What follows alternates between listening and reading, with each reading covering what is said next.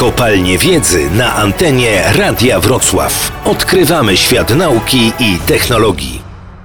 Adam Bugajczuk, wiceprezes zarządu do spraw e, rozwoju KGHM Polska Miedź S.A. Światowe koncerny specjalizujące się w produkcji miedzi coraz częściej sugerują, że w kręgu ich zainteresowania jest miedź sproszkowana. Bo? Jest to potencjał, bo zarówno jeśli chodzi o druk 3D, czy to fotowoltaiki, czy w innych tego typu nowoczesnych technologiach ma szerokie zastosowanie. Mówimy o drukach 3D i też medycyna, więc to są główne kierunki, ale tak naprawdę co chwilę mamy sygnały ze świata, że to zastosowanie cały czas się rozszerza, więc naprawdę proszki wydają się bardzo perspektywicznym kierunkiem rozwoju.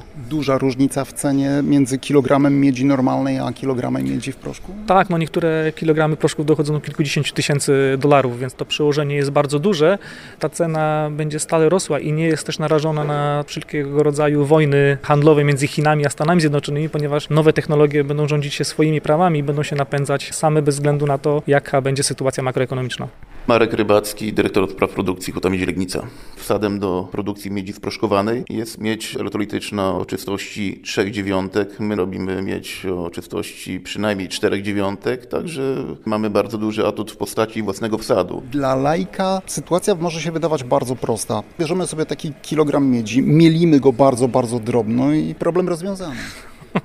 Życzylibyśmy sobie, żeby tak było, ale gdyby tak było, to prawdopodobnie ilość producentów tego proszku byłaby bardzo duża, a tak nie jest, więc to jest szalenie złożony technologicznie proces. My chcemy pójść drogą atomizacji. Pod bardzo dużym ciśnieniem rozbija się stopioną miedź. To jak drobne będą te pyłki? No można dojść nawet od kilku do kilkudziesięciu mikrometrów. To są te najwyższe jakości i oczywiście one muszą mieć też odpowiedni kształt, czyli jak najbardziej sferyczny. A nie ma obawy, że jak będzie kontakt takiego proszku z powietrzem, no to już powietrze zanieczyści produkt finalny? Nie ma takiej obawy, ponieważ cała instalacja działa w próżni, aż do momentu zapakowania szczelnego. A jeśli doszłoby do kontaktu z powietrzem, to może dojść nawet do wybuchu. Dlatego za te proszki płaci się takie pieniądze.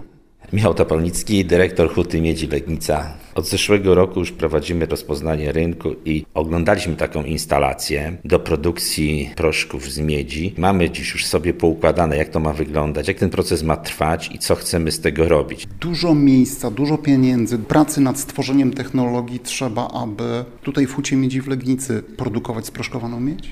Trochę to kosztuje. Pod koniec tego roku będziemy wiedzieli bliżej i będziemy mogli podjąć decyzję, od kiedy ewentualnie całą infrastrukturę w hucie na jednym z wydziałów przestawić na produkcję tego proszku.